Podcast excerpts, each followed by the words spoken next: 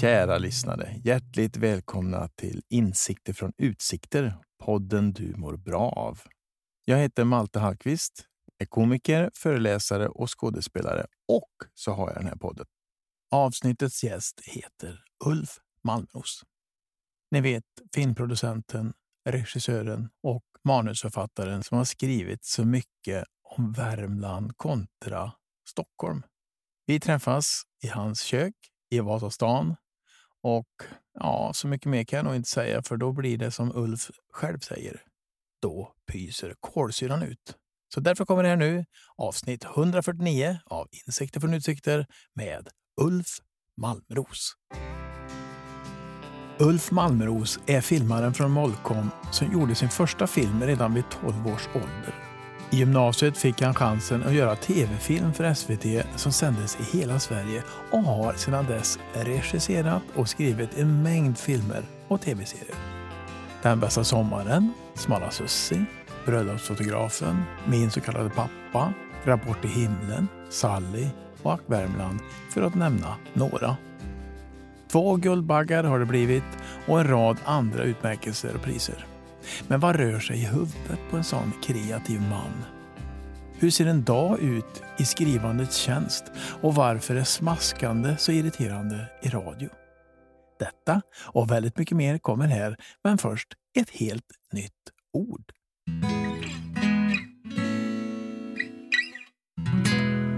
Jag är också väldigt seg på morgonen, men eh, det säger vi inte högt då. Fast å andra sidan så är man kreativ på morgonen. Jag, jag brukar faktiskt boxa mig upp och sätta mig och skriva eh, direkt. Och jag märker att man är ganska ren. Man är liksom ogooglad.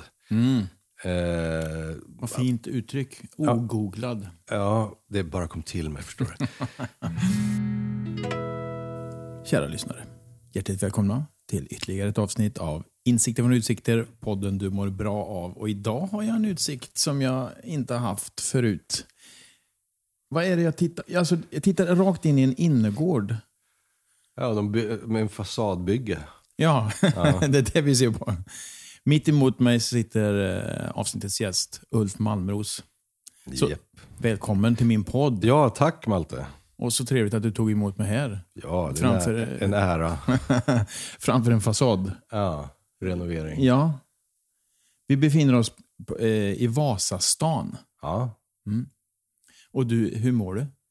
Jag mår jättebra. Eller jag, just, på morgonen så jag, känner jag mig lite, imorgon inte så bra, för då är jag alltid trött. Men, men nu, det, nu börjar det klarna.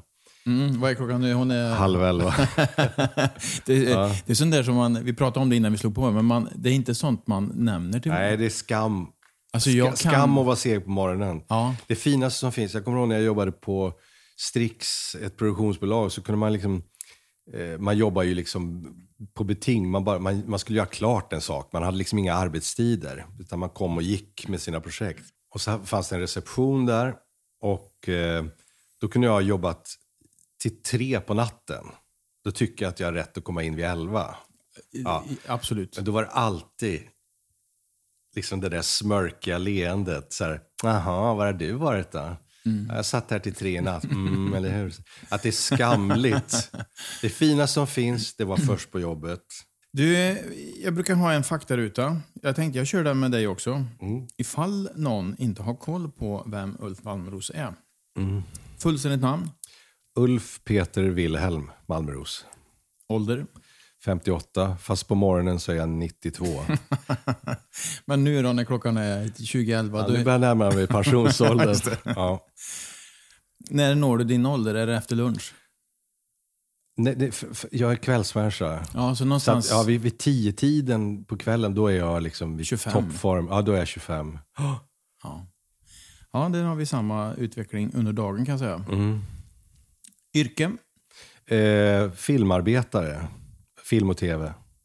civilstånd, Eh, gift med världens bästa Jana, som jag jobbar ihop med. Och sen två grabbar. och de är utflugna. Alltså jag, jag, jag, jag bor inte ihop med två grabbar. Nej. två söner som inte bor hemma längre. Just det. Det är vuxna barn. Det är vuxna barn. Mm. Exakt. Hobby? Eh, det, det, det, det där har jag tänkt jättemycket på. Att Mm. varför, har jag, varför har jag inte det? Ja, men det är inte helt ovanligt. Jag har många gånger tänkt att när man sitter med kreativa människor så ska man inte fråga hobby. För att det är, Nej, men jag tänker på mina musikerkompisar som, som om det hänger en gitarr på väggen så tar de alltid ner den. Även om man sitter och pratar. Det- De sitter alltid och spelar. Och jag har liksom kompisar som jag liksom bara promenerat med och så säger de plötsligt så här, "Vä- vänta jag, jag ska bara gå åt sidan här. Så, så spelar de in något på mobilen. Vad var det? Nej, jag fick bara, det kom en låt bara. Eller någon som, som går liksom vid sidan om en polare som, som har, som har eh, Kalle Schulman som har en podd. Och så var, hade vi varit och käkat och så snackade vi bara om, inte om det, vi snackade om ingenting. Och så sa han, vänta, må, jag måste skriva ner en grej, jag kom på en grej. Utifrån det samtalet vi hade, något, något som man skulle ha till poddmaterial. Jag försöker säga bara att jag tror man är, om man jobbar med så kallade kreativa yrken så är man ju påkopplad hela tiden. ja, men visst är det så. Och i mitt fall så är, ju- så är det så att min hobby blev mitt jobb. Alltså jag började ju så tidigt med, med film och sådär. Hade det som hobby. Eh, gjorde egna kortfilmer och sådär. Ja. Så man kan säga att ditt, ditt yrke är din hobby. Äter helst? Eh, jag, jag är faktiskt allätare. Jag har inga preferenser. Eh, Men om det ska vara en riktigt god middag en fredagkväll, vad, helst, vad ska det vara på bordet?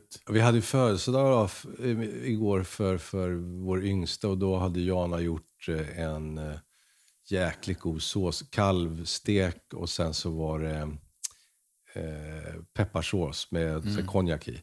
Och eh, ja, det, det, det är lite åt mitt håll. Jag är väl en köttkille då. Jag kan äta vego också såklart. Men, eh, nej, men jag gillar när det smakar mycket. Ja. Pysselmat också, när det ligger liksom massa olika små saker. Ja. Julbordan med andra ord. ja, vi närmar oss ju det. ja, Dricker helst? eh, ja, jag, jag, ja, jag gillar ju öl. Gör jag. Och- Ja, du dröjde på den. Ja, nej, för att jag tänker, det är inte så att jag, jag dricker inte öl i veckorna. Så att, Nej, så det är inte, men, men eh, vatten tycker jag är lite tråkigt. Fast det är bra nu när det blir lite kallare. Mm. Nej, men jag dricker tyvärr Trocadero Zero. Oh, maniskt. Ja, det är roligt också att den har fått en revival. Ja, liksom. visst är det så. Det var ju en sån här... äh, I drickabacken när man var liten så valde man bort den för den smakade, det var liksom, den var lite konstig smak Ja, tycker man. den var odefinierbar. Alltså, man kunde inte ta- säga vad den, vad, den, vad den kostar, kan man, men vad den smakar. Jag tror att de, och det här är inte sponsrat, men jag tror att de, de kommer köra om Cola. Det kommer de inte göra såklart. Men, men Det kan vara skön hoppas, spaning. Ja. ja, som nationalist så, visst. så, så vill man ju det. Och varför heter den inte Trocacero? Ja, jävlar, det har jag inte tänkt på. Va? Smart Malte. Ja, Smart. jag, vet. Sista frågan i eh, faktarutan. Din största inspirationskälla? Det är faktiskt, eh, eller faktiskt, det är min fru Jana Fomin då. Snill och smak brukar jag kalla henne för. Ja. Hon har... Vilken kärleksförklaring. Ja, nej, men den är dessutom sann. Men om vi tar det från början. Du var ju inne på det du har ju gjort film sen du var ganska ung. Jag vet att det var ett speciellt tillfälle. 12-årsåldern, du är sjuk. Just det. Mm. Du får ta med oss där. Mm. Nej, men jag, eh, jag tror att jag var 12-13 år och så var jag hemma och eh, det var ju innan man kunde liksom bara dra på tvn eller kolla i mobilen och sådär. In, pre-internet helt enkelt. Så det fanns Man liksom hade inte... ganska tråkigt Ja, jag- när man var sjuk. Man var tråkig och så var jag helt ensam hemma och så gick liksom, man var, inte tillräckligt sjuk för att ligga i sängen så började jag liksom gå runt i villan där och dra i lådor. Mm. Och hitta grejer och sådär. Det här är ju helt ofattbart för, för, för ungar idag. Ja, ja visst. Så drar man ut en låda. Va? Röker pappa? Det har ingen aning om. och sen så hittade jag då en eh, sån här Super 8-filmkamera. Och så sitter det en kassett i den då. Och så ringer jag till pappa på hans jobb och sa, får, får jag filma? Och då sa han, nej men det är, det är ju bara tre minuter på den där kassetten. Och sen ska den skickas till Tyskland för framkallning. Så kommer den tillbaka om två veckor. Och Det då var kan man så titta som man kunde kika på kvällen direkt. Nej, och då sa han så här, då får du skriva ett manus. Sa han ju pedagogiskt. Du får skriva ett, ett, Otroligt bra ett sagt. litet manus på, som, som går in på de där tre minuterna, stumfilm också. Och då, då måste man ju liksom tänka i bilder. Vad kan jag göra? Liksom, en berättelse från A till Ö eh, utan ljud. Jag kommer inte ihåg vad jag skrev för någonting, men, men någonting blev det och då blev jag helt taggad. Sen så cyklade jag upp till biblioteket i Molkom där och eh, frågade, har ni böcker om film, hur man gör film här? Och det hade de och då, sen var jag hooked, sen var jag helt fast. Otroligt att hamna rätt så tidigt. Ja, men då, det var första gången jag förstod, liksom, när, jag liksom tittar på en film så får jag känslor, men det är egentligen ett hantverk. Det här är, det är någon som har först hittat på det här, sen verkställt det och sen klippt det. Någon har en idé med det här och, och liksom, de här beståndsdelarna kommer göra att jag skrattar, blir rädd eller känner någonting. Och jag tyckte det där var så häftigt. Men på den tiden var jag ju mest intresserad av action. Och hade jag sett en film så gjorde jag liksom den filmen fast på tre minuter. Så när jag hade sett Mannen på taket, Bo Widerbergs film, eh, då gjorde jag ju den och så heter den ju Mordet på taket. Så drog man in lite kompisar och så gjorde vi lite action sådär. Gjorde inte du en film som heter Dödligt mord också? Ja, jo. det är fantastiskt. Ja, väldigt bra. Vad finns det annars än dödliga mord? Jag menar det. För sen gick ju du till... Det var ju väldigt eh, pragmatiskt av dig kan man tycka. I gymnasieålder gå till SVT och säga hej, hej, jag har en filmidé. Jättekonstigt att det funkar. Ja, för Nej, jag tror men- inte att det skulle funka nu. Nej jag, nej, men jag gick upp till SVT. eller Jag skrev ett manus först som var en timme långt som heter Kunskapens kapell. Och eh, gick upp till receptionen där och eh, de, "Fin- finns det någon man kan lämna ett manus till där? Då gick det förbi en producent som heter Johan Forsblad. Och, eh, som var jätteschysst och eh, tog med mig in på hans rum och så sa han "Ja, men jag ska läsa det här och han i sin tur lämnade det till, till hans chef. Kjell Forsting hette han som var chef. Jag har fan glömt att tacka honom. Jag tror inte han lever idag. Det har jag dåligt samvete för. Men han drog ju igång det där. Det här ska vi göra.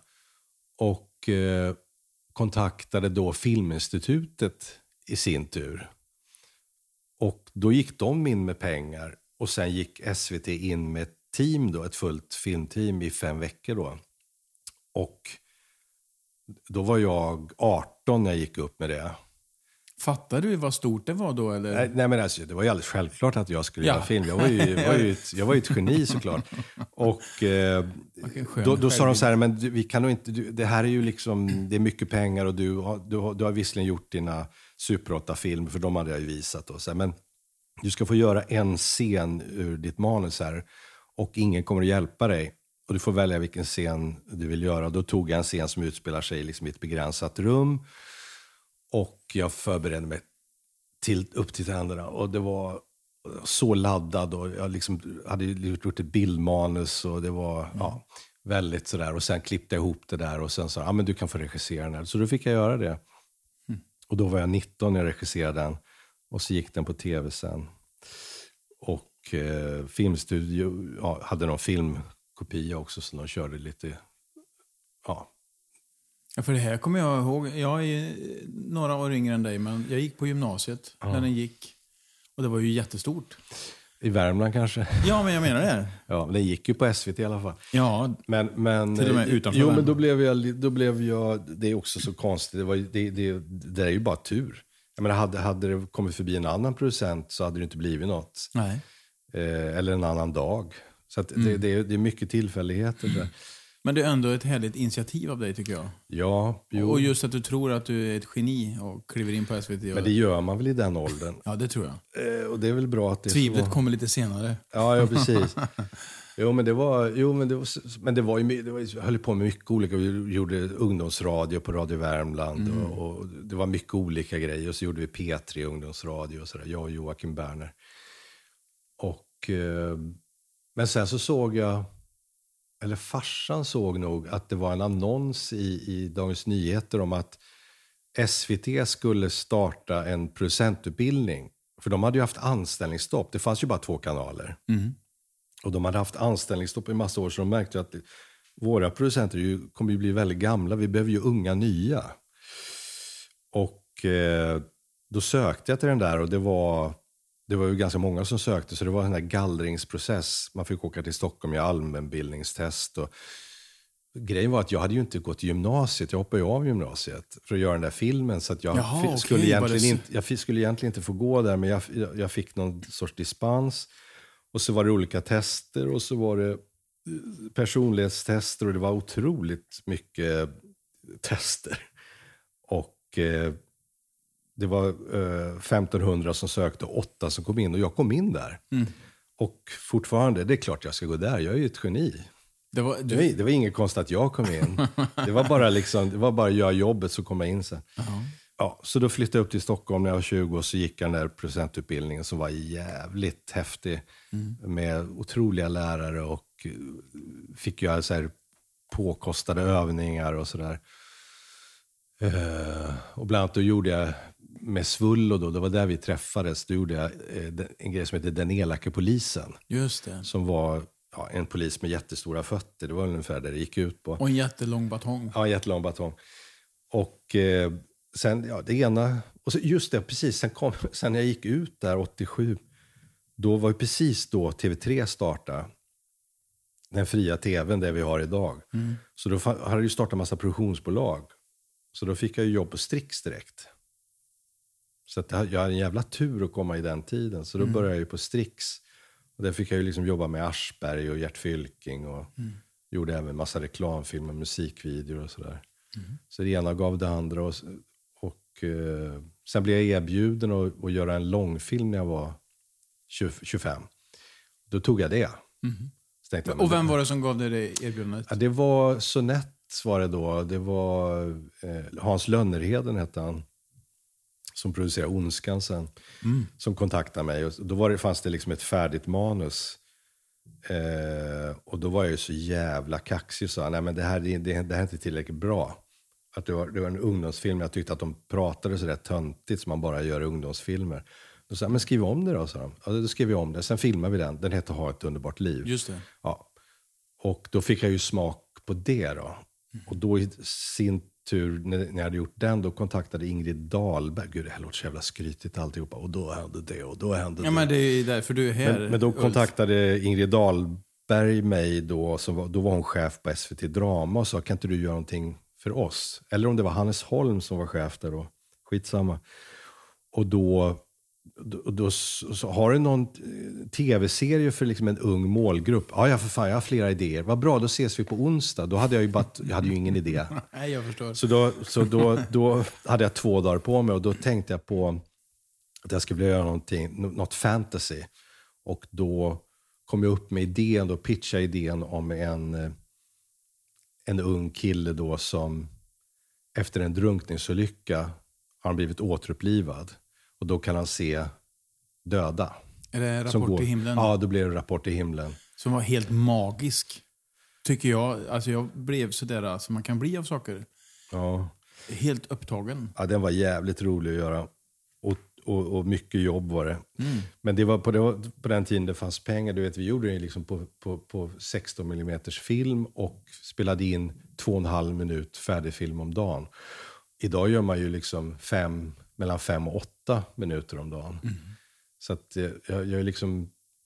Dels att jag fick vara med på Strixtiden, det här liksom när, när den fria tvn startade, när det var, liksom var nybyggarland, ingen visste hur man gjorde och det var liksom väldigt fritt kreativt. Man fick vara med och hitta på. Det var inte så mycket så här grindvakter, nej det går inte och det är inte tillräckligt kommersiellt och sådär. Utan det var väldigt fritt. Så då fick jag vara med om det och sen så fick jag vara med om, på den tiden då det liksom fanns pengar.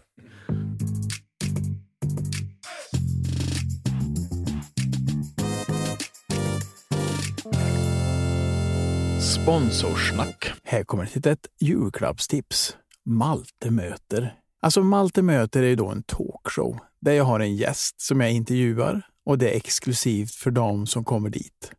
Så blandar vi upp det där med lite härlig musik från ett väldigt pikt band och gästen brukar också sjunga.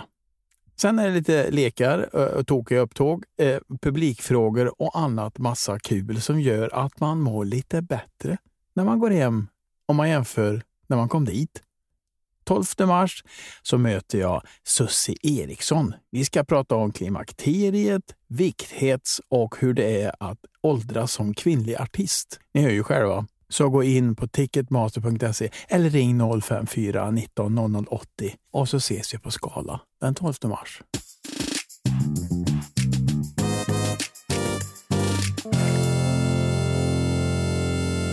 Men sen hände något speciellt med din dialekt ju. För du låter ju verkligen som du kommer från Vasastan. Nej, det gör jag nog inte. Gör jag nog inte.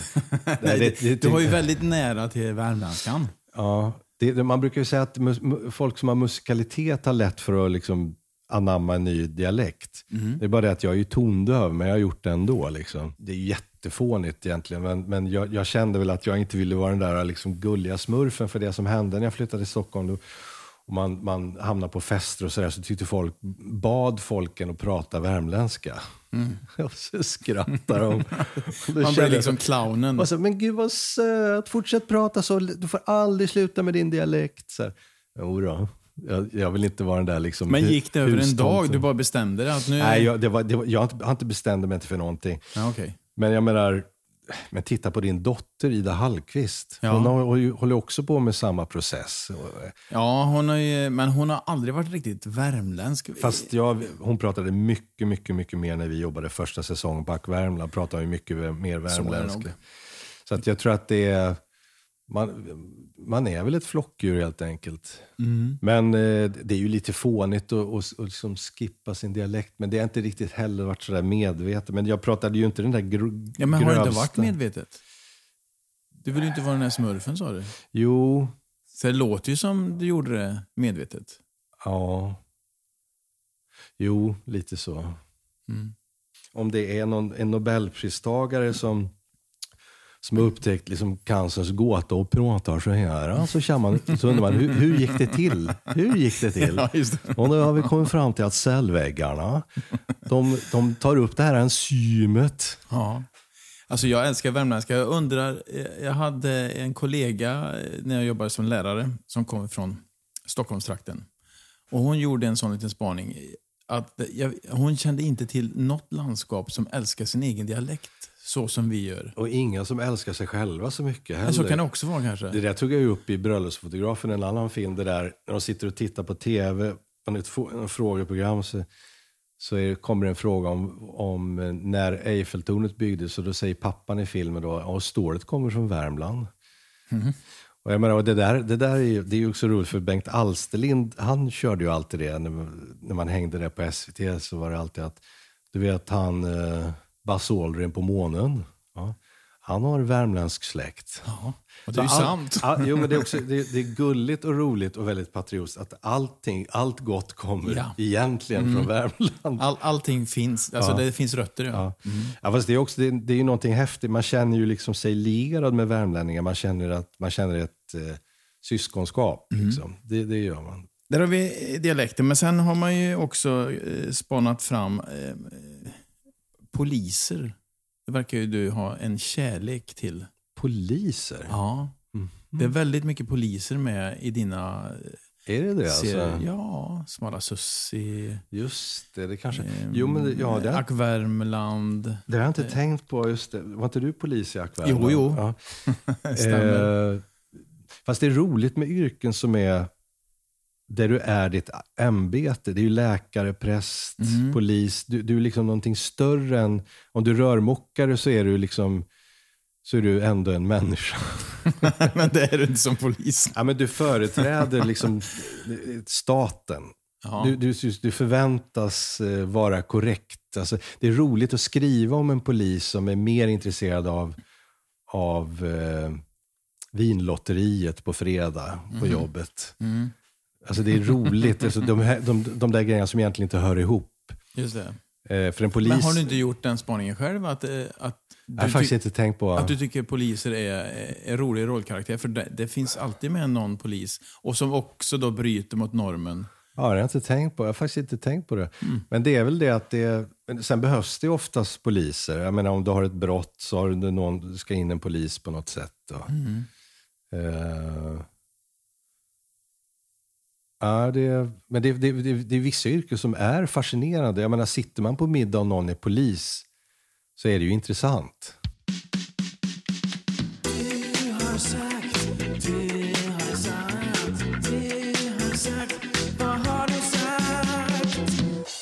Vad var det du sa?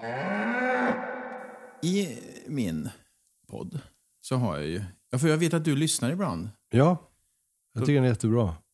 Jag blir så glad att du säger så. Då vet ju du om att jag har Du har sagt. Just det. Mm. Så nu är det dags. Humor brukar bli daterad. Det tog jag med för att Smala Sussi fyller 20 år i år. Ja, man brukar ju säga det. Att humor blir daterad för att det är lite name-dropping. Det kan vara karaktärer som är bara från den tiden. Om man inte känner till vilka om du, om du, om du kollar på en Hasse och Tage-revy så, så skämtar de om Ingvar Mundebo.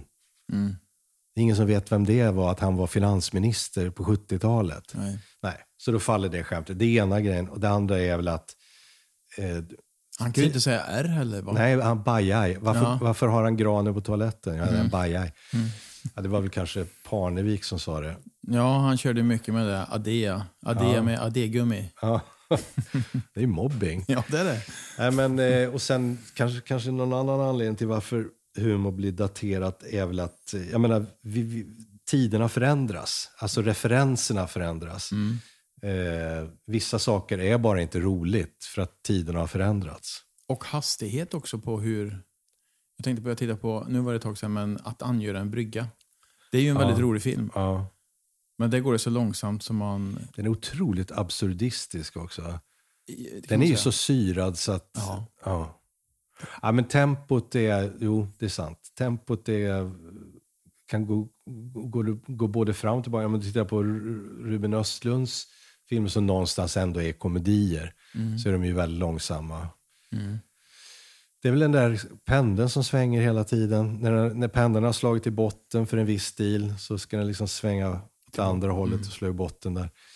Eh, jo, men humor kan vara daterad, men man kan också man kan undvika lite grann att vara namedroppande. Och sen finns det väl en, en, liksom en evig humor som handlar vad är om... det då? Ja, men det är väl rädslor. Rädsla för att bli övergiven, rädsla för att inte passa in, eh, vad det nu kan vara för någonting. De här allmänmänskliga... Och fysisk humor känns också, så det blir inte gammalt. Fysisk humor blir nog inte gammal, nej. Folk som snubblar och slår sig.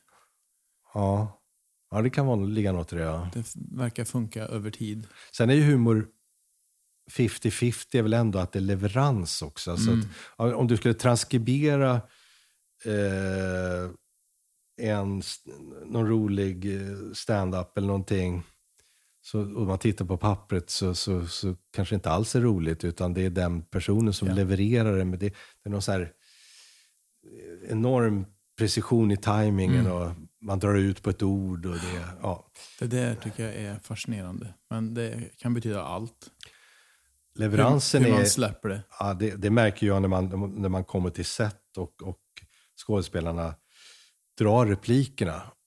Och så märker man, wow, det här, så här är inte alls, hade inte jag tänkt det. Det här blir ju mycket, mycket bättre. Och, för de har ju bara tänkt, men så här ska det, så här ska det läsas upp, alltså leverans. Ja. Så här ska det göras, tänker den.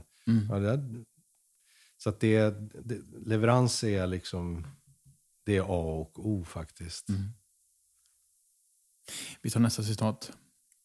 Slumpen fungerar aldrig på film, bara i verkligheten. Ja, det där är också ett dramaturgi. Guds hand brukar det kallas för. Alltså att när du inte vet hur du ska lösa någonting i ett manus så plötsligt så bara kommer liksom Guds hand, alltså symboliskt då, ner och bara löser situationen för man vet inte hur man ska reda ut det. Alltså slumpen. Att, att vår hjälte, precis när han hänger på klippkanten och det finns inte en människa i närheten, plötsligt kommer en helikopter av en händelse. Ja, det råkade vara några bärplockare som åkte förbi en I en helikopter. Ja.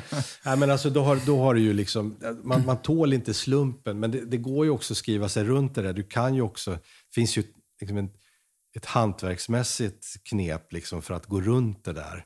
Eh, så att det inte ser ut som att det är slumpen. Och det är ju att om du verkligen måste lösa det med, sl- med slumpen, då kan du faktiskt skriva in en scen en halvtimme bakåt i historien. Som förklarar? Som förklarar det här, Okej. som egentligen ingår i en annan scen där man eh, ser någonting som gör att ja, men så här går det till här. Och då när du ser den här slumpartade scenen, då kommer du liksom, för man letar ju alltid efter samband. Mm. Det, är det, man, det, är, det är nästan det enda man gör, man försöker se hur allting hänger ihop. Då kommer du ihåg den där scenen, då blir plötsligt det här, ja men det är inget konstigt. Kan det, det vara, som du förklarar nu vara ett typexempel på associationsleken du pratade om innan? Ja, ja. Att det här måste vi lösa, då får Ja. vi lägga till en scen i början. Och, men- och det, det, det där är ju klassisk dramaturgi, att, att om, om vår hjälte då i en första manusläsning så säger finansiären att den här, vår huvudkaraktär blir ju faktiskt lite osympatisk när han eller hon dödar den här personen.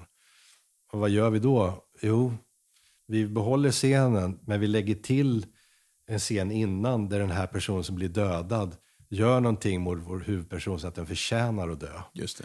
Det är ju klassisk dramaturgi. Mm. Väldigt enkelt. Så, vi, så när vi, kommer till den, här, till den här scenen så är det högst naturligt. Ja, han ska dö. Det är klart han ska... Ja, han har förtjänat det här. Ja.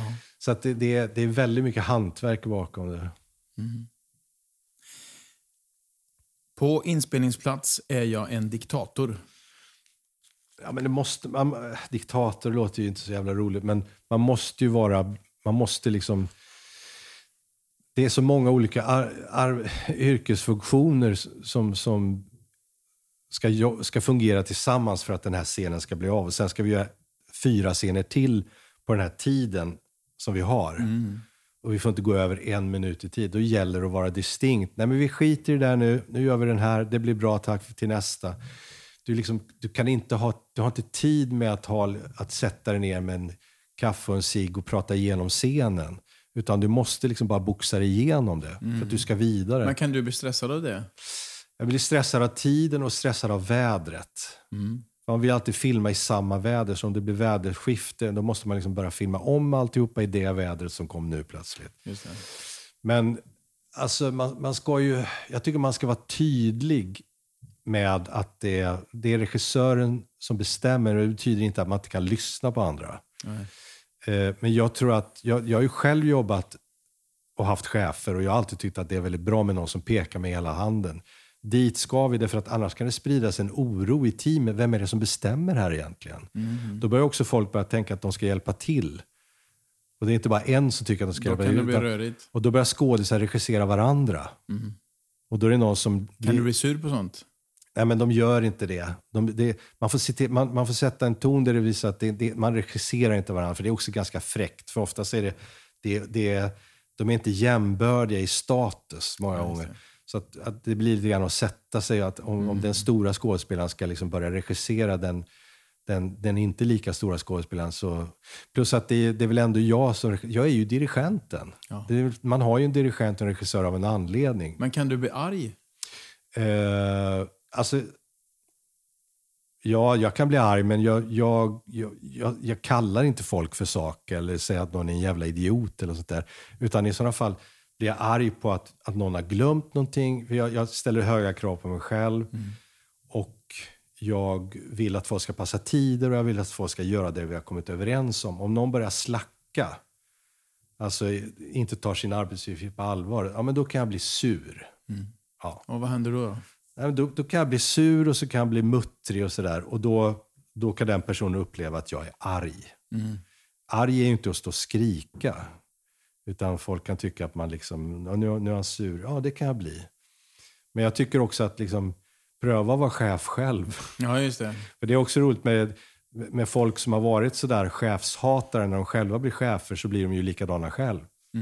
Därför Men att kan du ångra dig efteråt? Ja, nu känner inte jag dig så bra, men jag, jag, skulle, jag skulle gissa att det kan bli... Man om- tappar ju om du- ansiktet om du och känner sig lite- dum. Man känner sig dum. Man, men jag brukar be om ursäkt och eh, jag brukar faktiskt be om ursäkt. Och, och, och helst så att folk hör det. Så man inte tar personen åt sidan och ber om ursäkt bara till den. Utan säger, förlåt jag var dum, jag är stressad, jag, jag, jag ska ta det lugnt. Eller så. Eh, men sen är det ju också, människor är ju inga helgon. Folk har ju liksom agendor och folk, folk, det kan faktiskt finnas folk i teamet som är jävligt jobbiga också. Och jag menar, det är inte schysst att de då bara ska få bre ut sig för att det finns en chef som man kan skylla allting på. Utan det är ju liksom ett det är ett lagarbete där det visserligen är en chef. Men eh, chefer är aldrig omtyckta. Sen också, om du inte tar ett chefsjobb, då kommer det vara någon annan som kommer behöva städa efter dig. Någon annan kommer behöva ta det här lite obekväma jobbet att pusha inspelningen framåt. Då blir den personen skurken istället. Mm. Så det är inte det heller speciellt schysst. Nej, och jag kan förstå det, för att det är när det blir väldigt många som ska vara med och styra så blir det ju otroligt rörigt. Du tappar framförallt också den röda tråden. Det finns ju en idé med det här vi gör. Mm. Och om det blir liksom för många inspel så, så plötsligt så liksom, var är den röda tråden i den här historien? Liksom?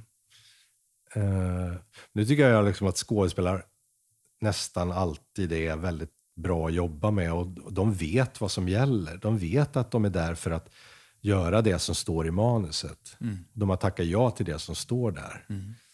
Men har du varit med om folk som eh, börjar improvisera mycket? Och sådär? Alltså det, jag, det, det, är något annat, det är något helt annat. Det tycker jag bara är kul. Alltså, du gillar sånt?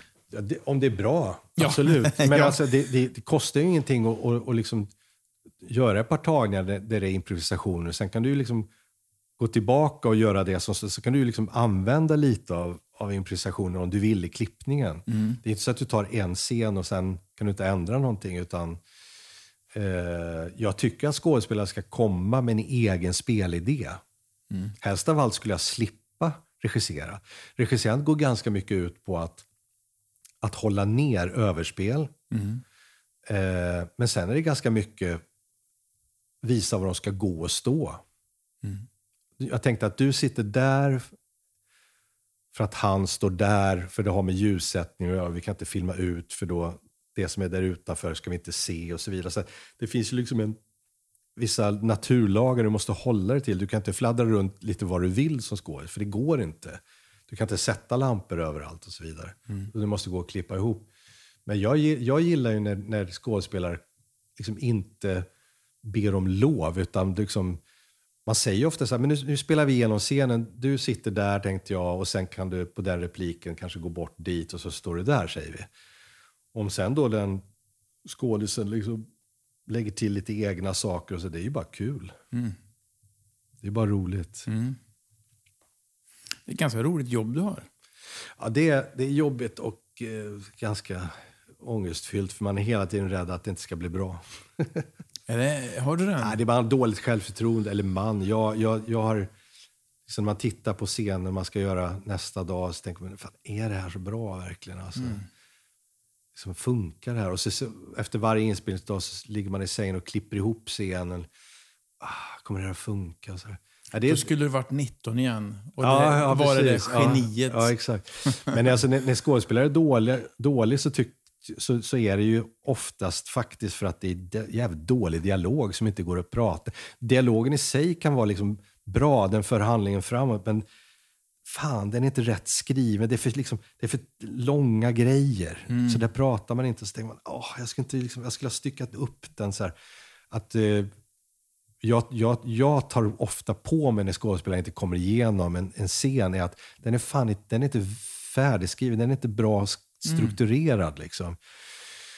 Och då kan det bli liksom, man har inte riktigt tid att stå på plats och göra om det. Så då får man liksom, man får ta sig igenom det på något sätt. Vi tar den sista innan vi går in i någon slags avslutning här då. Mm. Deckare, den sunkigaste av alla konstarter. Där var jag kaxig. det, det där är nog väldigt gammalt skulle jag tro. Jag tror det är från ditt sommarprat 2010. Sa jag verkligen så? Ja, ja, det, nej men, ja, alltså jag tittar ju inte på deckare själv, men, men det gör ju alla andra, så det är förmodligen mig det är fel på. Men den är ju väldigt formatstyrd och det är väl själva poängen, för det är väl det som gör en att folk kommer tillbaka till det. Man vet vad man får. Ja, men det är lite... Det är som en påse chips liksom. Ja, men vi, vi, det tror jag att vi människor älskar samma Ja. berättelser. Rödluvan var vi inne på förut. Då. Jo, det är en trygghet i det. Och det är ju spännande, vem har gjort det? Det är lite gåta sådär liksom. Ja. Men, det, det, men det, ju mer formatstyrt det blir, är, blir det liksom för min del lite sådär... äh, Men jag är väl hantverksskadad också. Jag ser ju liksom Säkert. Ja, men jag ser också, ja, den där gubben dyker upp som man ska tro att han har inte så mycket med det att göra, men jag fattar varför han är där, för annars skulle man aldrig langa in en sån figur här. Det är han som har gjort det. Det är som när eh, jättekändisar dyker upp i Beck-filmer i biroller. Ja, Då vet det. man att den, det är mördaren. Ja, ja men precis. Så det är väl lite så här att man, man, man ser bygget i deckare. Men som sagt, det, där är, det, det, det är nog bara jag som tycker det där. Det är ju en jättestor genre. Ja, sant. Vad är kreativitet för dig? Alltså kreativitet är ju allt. Alltså, är så, alltså alla människor har ju kreativitet. Ja, Eh, mer eller mindre. Nej, men alltså att, att, att eh, planera en veranda eller vi ska bygga om, vi ska slå ut den där väggen, vi ska flytta köket till ett annat rum för då får vi utsikten där och då.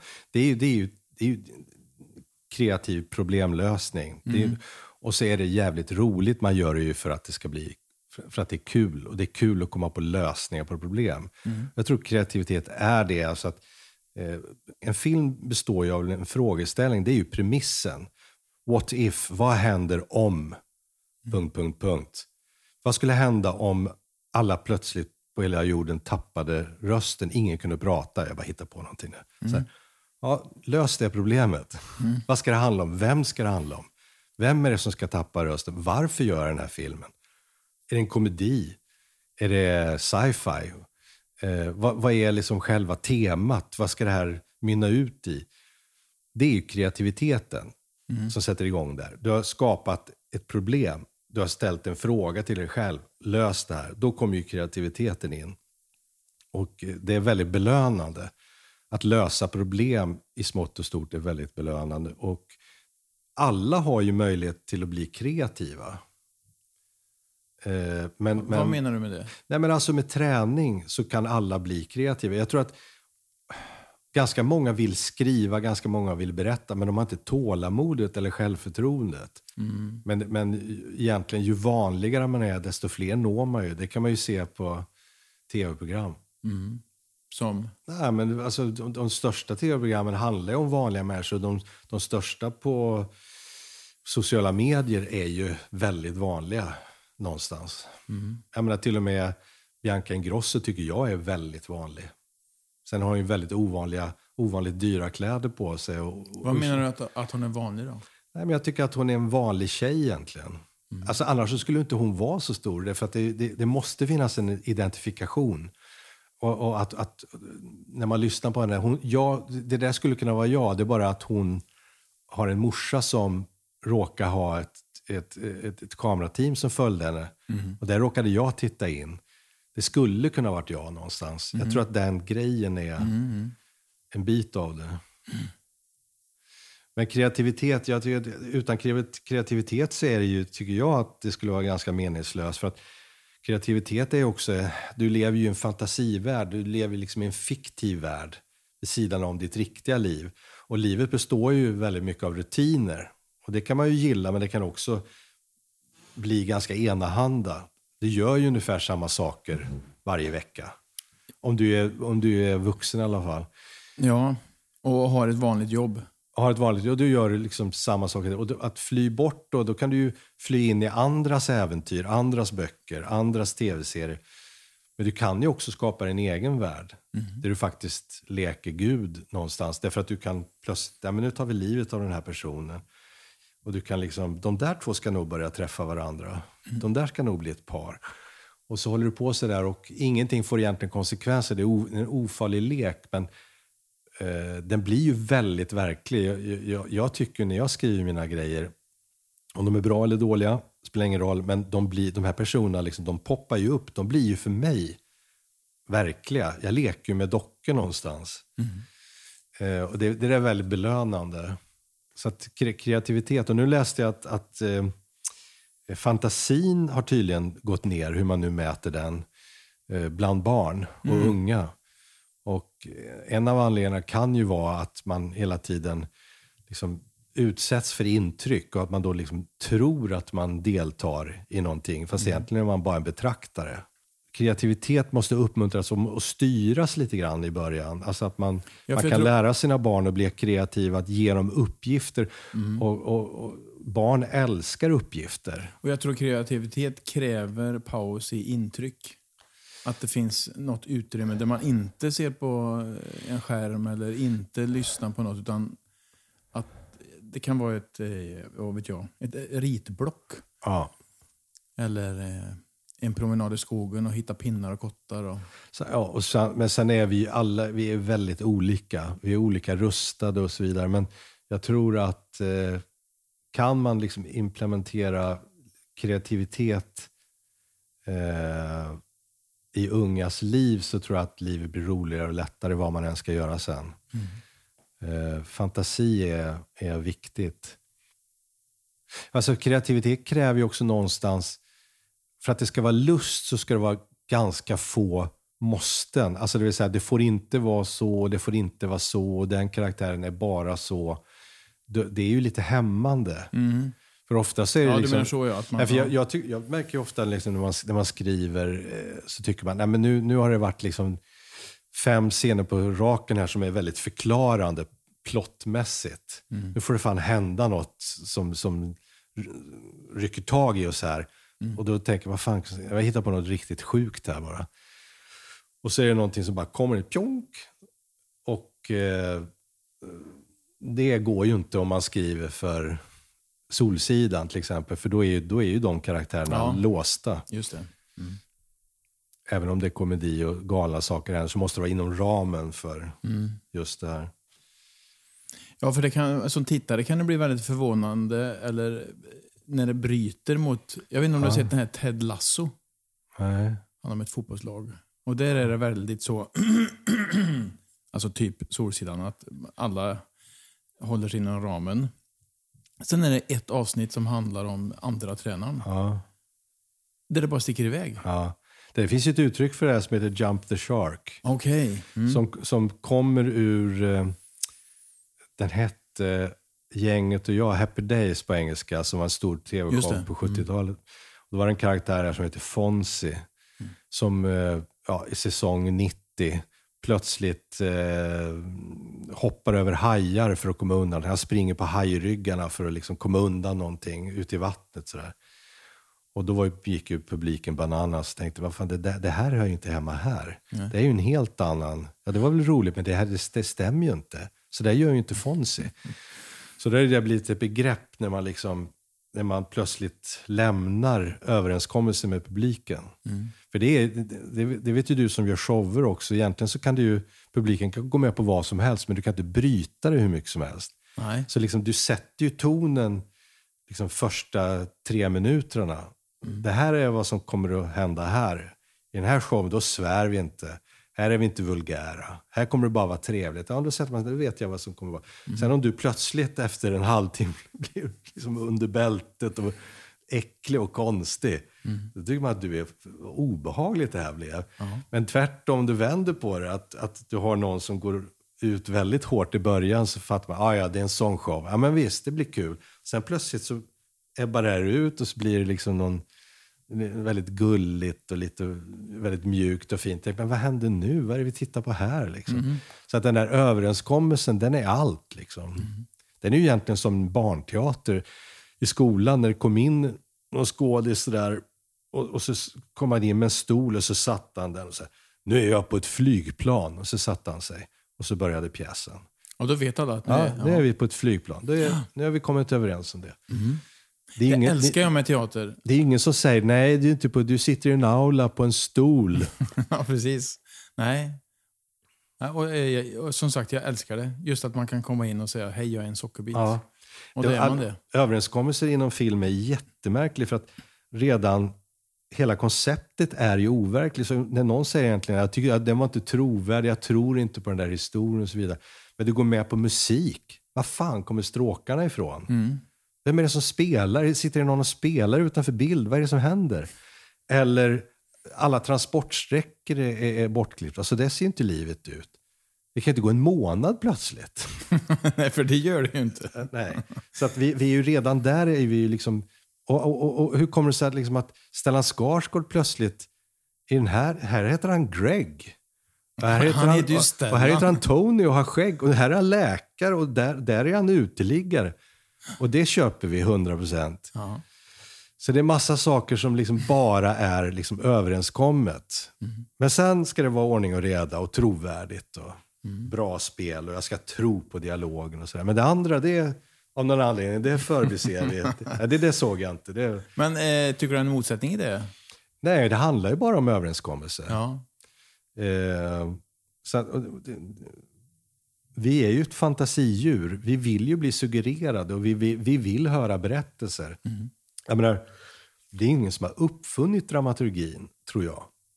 Utan den har, om du ber ett barn som inte har sett som inte har läst speciellt mycket sagor eller sett på tv och ber dem berätta en historia så kommer de berätta, liksom, de kommer berätta Rödluvan. De kommer att berätta om en person som ska från A till Ö och på mitten så finns det ett hinder.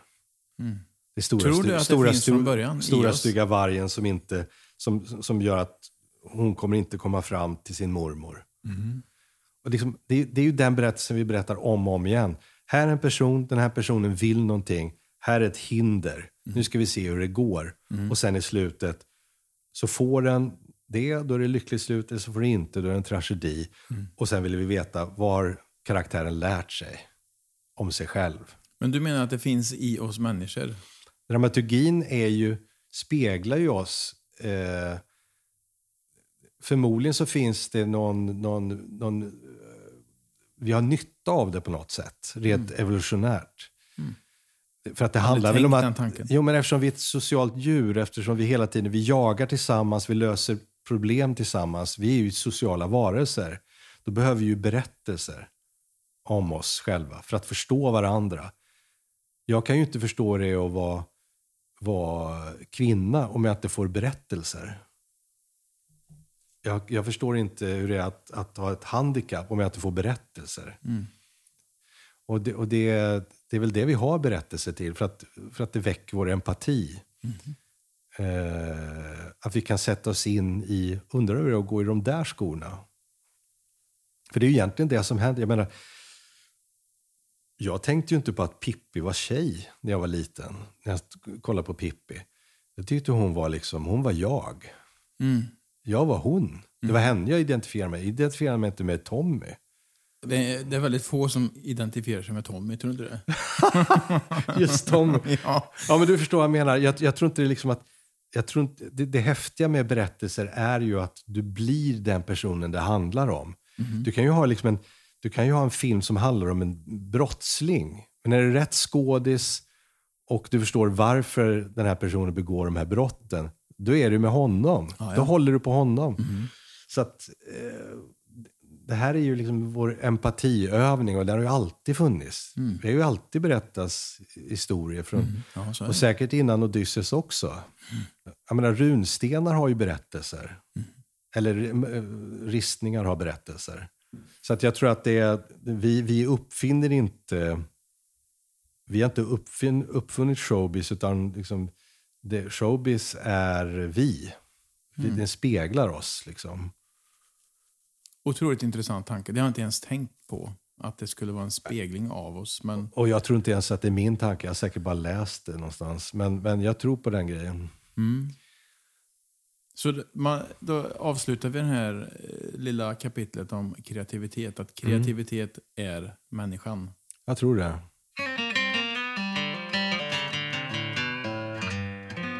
Avslutningsvis. Det- Sen 2016 Ja. så har inte du regisserat något. Är det någonting på gång? Jag, Får jag, du prata om det i så fall?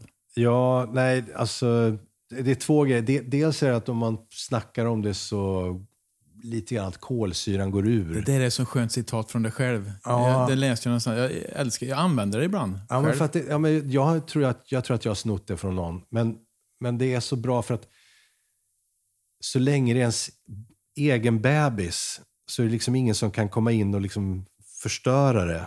Mm. För det, det är så känsligt. Sen när man lämnar över det så om man får alla kommentarer, man kanske inte får de reaktioner man har tänkt sig, så här, då går kolsyran ur lite grann. Mm. Eller om man, om man pitchar någonting på en fest eller någonting och så ser man att det händer ingenting i ögonen på det man pratar om. Då blir man så osäker. Mm. Så det är bäst att vara tyst. Men för att svara på frågan, så är, just nu så är, har jag, eh, ligger det grejer uppe för läsning, egentligen finansieringsfasen, på två olika grejer. Men, men eh, det, är, det är så dumt att prata om det för att Åker kolsyran ut. du, vad sa du? Att? Då åker kolsyran Ja, ut. eller man kallar på de onda andarna som ser till Aha. att det inte blir någonting. Liksom. Mhm. Ja. Ja, senast var ju 17 där med Ack Värmland. Ja, kanske 17 Ja, ja. ja. Det, mm. Men där har det varit jävligt hektiska år. Mm. Eh, det har faktiskt nästan... Eller jag gick in i väggen. Mm. Egentligen. Sista långfilmen där, eh, som var innan s- säsong två Ack Värmland, då, då, då mådde jag inte bra. Alltså. Det, var, det var för mycket. Alltså. Det, och det är det som... Det blir, då blir liksom jobbet bara någonting som ska genomföras. Man, man njuter inte längre av det, utan det är, liksom, det, det är bara ett hårt jobb som ska göras. Mm. Och man, man får liksom ingenting tillbaka. Och då pratar jag inte om att man får tillbaka någonting av andra, utan jag får inga, liksom, fan jag får inga kickar. Just det, det tar mer än det ger. Ja, ja. Mm. Och man vill liksom bara bli klar med det och det var, liksom, det var inte roligt. Liksom. Eh, Då hoppas jag att du är på väg tillbaka Ja, jo, jag är jävligt, jävligt, jävligt sugen. Så Jag hade sånt där långt break på, 90, nej, på två- 00-talet där efter, eh, nu ska vi se, efter Tjenare kungen där så hade jag fem år där jag inte gjorde någonting. Mm. Eller rättare sagt, jag fick inte igenom någonting om jag ska vara helt ärligt. Det, och det var, då, då tappade jag självförtroende. Sen gjorde vi bröllopsfotografen. Sen av någon anledning så rullade det igång igen. Mm. Men då var det, då tänkte jag, nej nu, nu är jag slut. Nu, nu har, Du liksom- kommer till den tanken ändå? ja, men då, vad jag gjorde då, det var, under de där fem åren så skrev jag saker som jag egentligen ville skriva. Jag skrev science fiction, fantasy, alltså galna grejer. Mm. Och ingen ville ha dem. Så allting jag gjorde var bara för papperskorgen. Och jag blev liksom ganska nedbruten av det. är ingen annans fel. De behöver inte betala för någonting om de inte tycker det är bra. Det är inte det jag säger. Men, men mitt självförtroende blev liksom, det, det, det, det jag vill göra vill ingen ha. Alltså jag, jag kände mig lite grann som att jag var någon sorts svensk toppsångare som, som nej men skit i de där nya låtarna, sjung dina hits.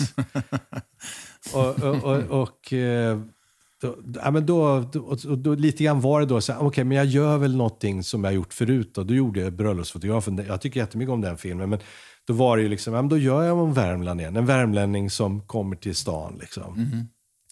Ja, den vill vi ha. Och det blev en jättehit på bio. Eh, och sen så gjorde jag liksom snabbt på en likadan då med Mammas pojkar och några hårdrocksbröder.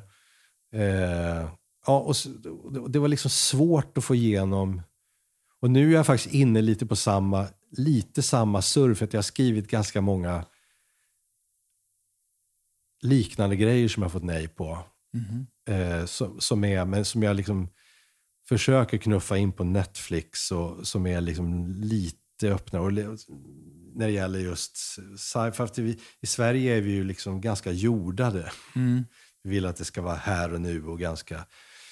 Man ska förstå va? Man ska förstå så här. Och, eh, men nu har jag några grejer som är ganska fantasirika som jag hoppas att jag skulle kunna få, få till. Men eh, Men du, vid ett samtal för ja, ett halvår sedan kanske, vi satt och pratade om det här med skrivandet. Då sa du en siffra, en manusförfattare, får man igenom, var det 2 av det man skriver så är det bra? Jag gick nog egentligen till mig själv. Och när, jag, när jag tittar på mina egna, och det gäller egentligen hela karriären, så på, det, på, på varje projekt som blir av, när det gäller tv-serie och långfilm, så ligger det liksom åtta skrotade fullskrivna projekt. Mm. Och det, det, det, det, Kan man inte bli ledsen Ja, det? man, det, är ganska, det är ganska dystert. Liksom, särskilt på den tiden när man hade små barn. Vad har pappa gjort? Han hade, pappa har suttit och skrivit för papperskorgen. liksom, och varit sådär, nej vi kan inte gå till Gröna Lund. Jag måste bli klar med det här mästerverket som sen ska ner i papperskorgen. Eh, men det är så, jag tror att det är lika, eller jag vet att det är lika för alla. Eh, man, man berättar bara inte om det. Men hur många sidor skriver du om dagen? Alltså det börjar ju med en idé och sen någon form av struktur. Men när jag väl börjar skriva då brukar jag ha eh, som page count då, som det heter så tjusigt, brukar jag ha fem sidor. Det ska jag göra oavsett om det är bra eller dåligt. Går det på två timmar, då har du resten av dagen ledig. Så tänker du? Det är inte sådär, men då kan jag passa på att skriva tio idag. Det har hänt också såklart. För då, då, då det, bara, det bara flyger fram. Ja. Men ofta så är det liksom, det är det här dåliga självförtroendet och det är inte synd om mig. Men, men, man sitter hela tiden och med någon sorts blandad, jag är ett geni och sen nästa sekund, jag är värdelös. Och det här pendlar man mellan. Och det, det liksom tar på krafterna. Så man Ja, vill liksom, någonstans vill man ifrån datorn för att gå ut och gå och mysa runt med idéer. Eh, men då brukar jag ha fem sidor för att det, det, det, kom, det blir ju ingenting. Och man, man måste skriva någonting. Och har man fem sidor som inte är speciellt bra så kommer man att ha det som en grund. Då kan man liksom, nej men det ska inte vara det här, men jag förstår vad jag har tänkt här. Några av de här ingredienserna ska, så skriver man fem det- nya sidor. Ja, för det måste vara lättare att ändra i ett dåligt manus Ja. än, än ett blankt papper, Ja. tänker jag. Men där kommer ju solida idéer in. Har man en solid idé, Mm. alltså det här, den här filmen handlar om det här och bara det här, då brukar det gå lätt. Det är när, när idén är diffus. Alltså när en idé, diffi, diffus idé om att till exempel att ja, men jag ska beskriva tiden vi lever i. Det är krig, det har varit pandemi, det är oro, det är Gaza, det är, det är narcissism på sociala medier. Allt det här ska jag fånga här. Då, då kör man fast. Mm. Eh, själva ärendet får inte gå före plotten. För det, det andra kommer av sig själv. Alltså själva ärendet, världen man vill beskriva. Jag tror inte man ska börja med det, utan man ska börja med en handfast idé. En Vad kan det vara enkel- för en handfast idé då? Går det att kasta ur sig en sån? Ja, men, alltså, Smala Sussi är ju liksom det första som kommer upp nu. Det är ju en, en brorsa vars lilla syster är försvunnen. Och så ska han hitta henne. Och under vägen så kommer han att stöta på en massa filurer från sin barndom. Mm. Och vem är det som har gjort det? Det är ju liksom, det är en väldigt handfast idé. Mm. Sen kan det göras på hundra olika sätt. Och nu valde vi det här liksom anekdotiska med liksom korta så här, liksom family guy, liksom backflashar. Liksom, om. Den här karaktären är så här, och så här går det till när han tar sig an livet och så vidare. Eh, och då får man ju doft och färg och, och ärendet. Den, den kom ju att handla om liksom en liten bruksort på dekis. Den, den sa ju någonting om Sverige. Men det var inte, det var inte där det började. Nu ska jag berätta om dagens Sverige i en bruksort. Hade man börjat där, då hade man ju fastnat. Så att man måste börja med, med den handfasta idén, den konkreta idén. Det, det liksom, och det där glömmer jag ju bort och gör fel hela tiden. Men det är ett tips till folk som skriver. Det gäller ju samma sak med en, man ska skriva en show kan jag tänka mig. Alltså, du måste börja med någonting som är styrmedlet. Yes. Alltså, den här pjäsen handlar om det här. Eller pjäsen, den här showen har det här temat. Sen kan vi skriva vad som helst, men någonstans ska det här studsa mot det här temat. Även låtarna. Och då brukar det gå lättare. Jag har det med dig. Ja, så att, och, och Ja, men jag blir- tror det är ingen större skillnad. Ja, det är klart, film är mer komplex än en show. Ja, måste det är samma dramaturgi och du ska också ner i det här liksom lite allvarligare och sen i slutet så ska det liksom Mm. finnas någon poäng. Du ska dra någon sorts slutsats gärna av det du har. Så publiken liksom får nicka lite. Ja, fan, det där har jag inte tänkt på. Mm, det. Och lite du ska ha överraskningar, du ska ha vändningar. Mm. Jag vet att ni hade i den här Stört så hade ni någon bra, jag såg ju aldrig den, men, men ni hade någon, för det handlar väl om din dotter va? Ja, just det. Ja, just det. Att ni hade en, en, liksom en, en vändning som publiken bara liksom fick sträcka lite på sig. Oj, Ja. nu blev det obekväm Ja, stämning det här. börjar med sådär igenkänningskomik. Papp, Ja. Pappan i BB, alltså Ja. i förlossningsrummet. Ja, Och sen när, det, när man upptäcker att, eh, att det är ett handikappat barn. Ja. Och då blir det iskyla i... Publiken blir, oj, hur ska de... Det här Ja. det är en obekväm stämning. Det här var vi inte beredda på. Och det här är precis som... Det är exakt så funkar ju fi, film också. Oj, vad händer nu? Hur ska de ta sig ur det här? Det här, oh, det här dilemma. Dilemma är, är grejen. Dilemma är ju inte om, om, om boven ska välja mellan, liksom, eller om hjälten ska välja mellan en, en stor påse med pengar eller rädda ett barn som, som håller på att drunkna. Det är ju inget äkta dilemma. Alla vet ju att det är barnet man kommer att rädda. Ett äkta dilemma är ju, är någonting som, där det är två likvärdiga utgångar. Positivt eller negativt. Hur jag än gör Så, kunde man lika så, så, gärna kommer, gjort- så ja. kommer, kommer, det, kommer, det, kommer det inte vara ett bra resultat för det andra du har att välja på. Det är ett äkta dilemma. Och då kommer publiken att bli väldigt engagerad. Fan ska han göra? För dilemma är ju någonting som handlar om att det är svårt att välja. Så att dilemman är ju, om man kan hitta riktigt bra dilemman som publiken kan känna igen sig i. Fan ska han eller hon välja här? Vad jobbigt. Ska offra sitt barn? Du har två barn. Vilka, du får välja ett av barnen. Vilket ska du välja? Som i Sophie's Choice. Just det. Eh, då, då sitter publiken på, som på nålar. Och det tänker jag med, med, i din show, då, eller vad man ska kalla det för. Där, det kommer sitt, satt säkert publiken och tänkte, hur ska de ta sig ur det här? Ska man skämta bort det? Men om de skämtar, då blir ju det, då är det ju plumpt. Ja, men då, ja, absolut. Då är det som inte det spelar någon roll. Hur ska de ta sig ur det här? De har ett dilemma. Ja. Tar man en sång. De slätar över allting bara. Ja. Ulf, fantastiskt kul att få sitta här och köta Ja. om kreativitet och ja, skapande. Och, Jag hade också roligt. vad skönt. Men de som lyssnar, Vi, de har redan stängt av. ja, har de inte, hör de inte det här, då har de stängt av. ja, precis. Tusen tack. Tack själv.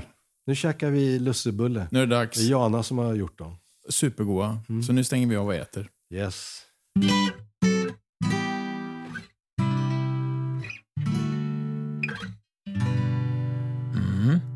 Det var Ulf Malmros. Otroligt smittsamt kreativ. Jag får gå och skriva ner någonting direkt här nu känner jag. Nästa vecka gästas av Charlotta Björk. En ung, lovande, kommande komiker och skådespelare. Vi kommer se henne som skådespelare i nya säsongen av Tunna blå linjen och i lekprogrammet Bäst i test. Men först ska hon ju gästa Insikter från utsikter. Man får ju ta saker i rätt ordning, tänker jag. Ha det gött!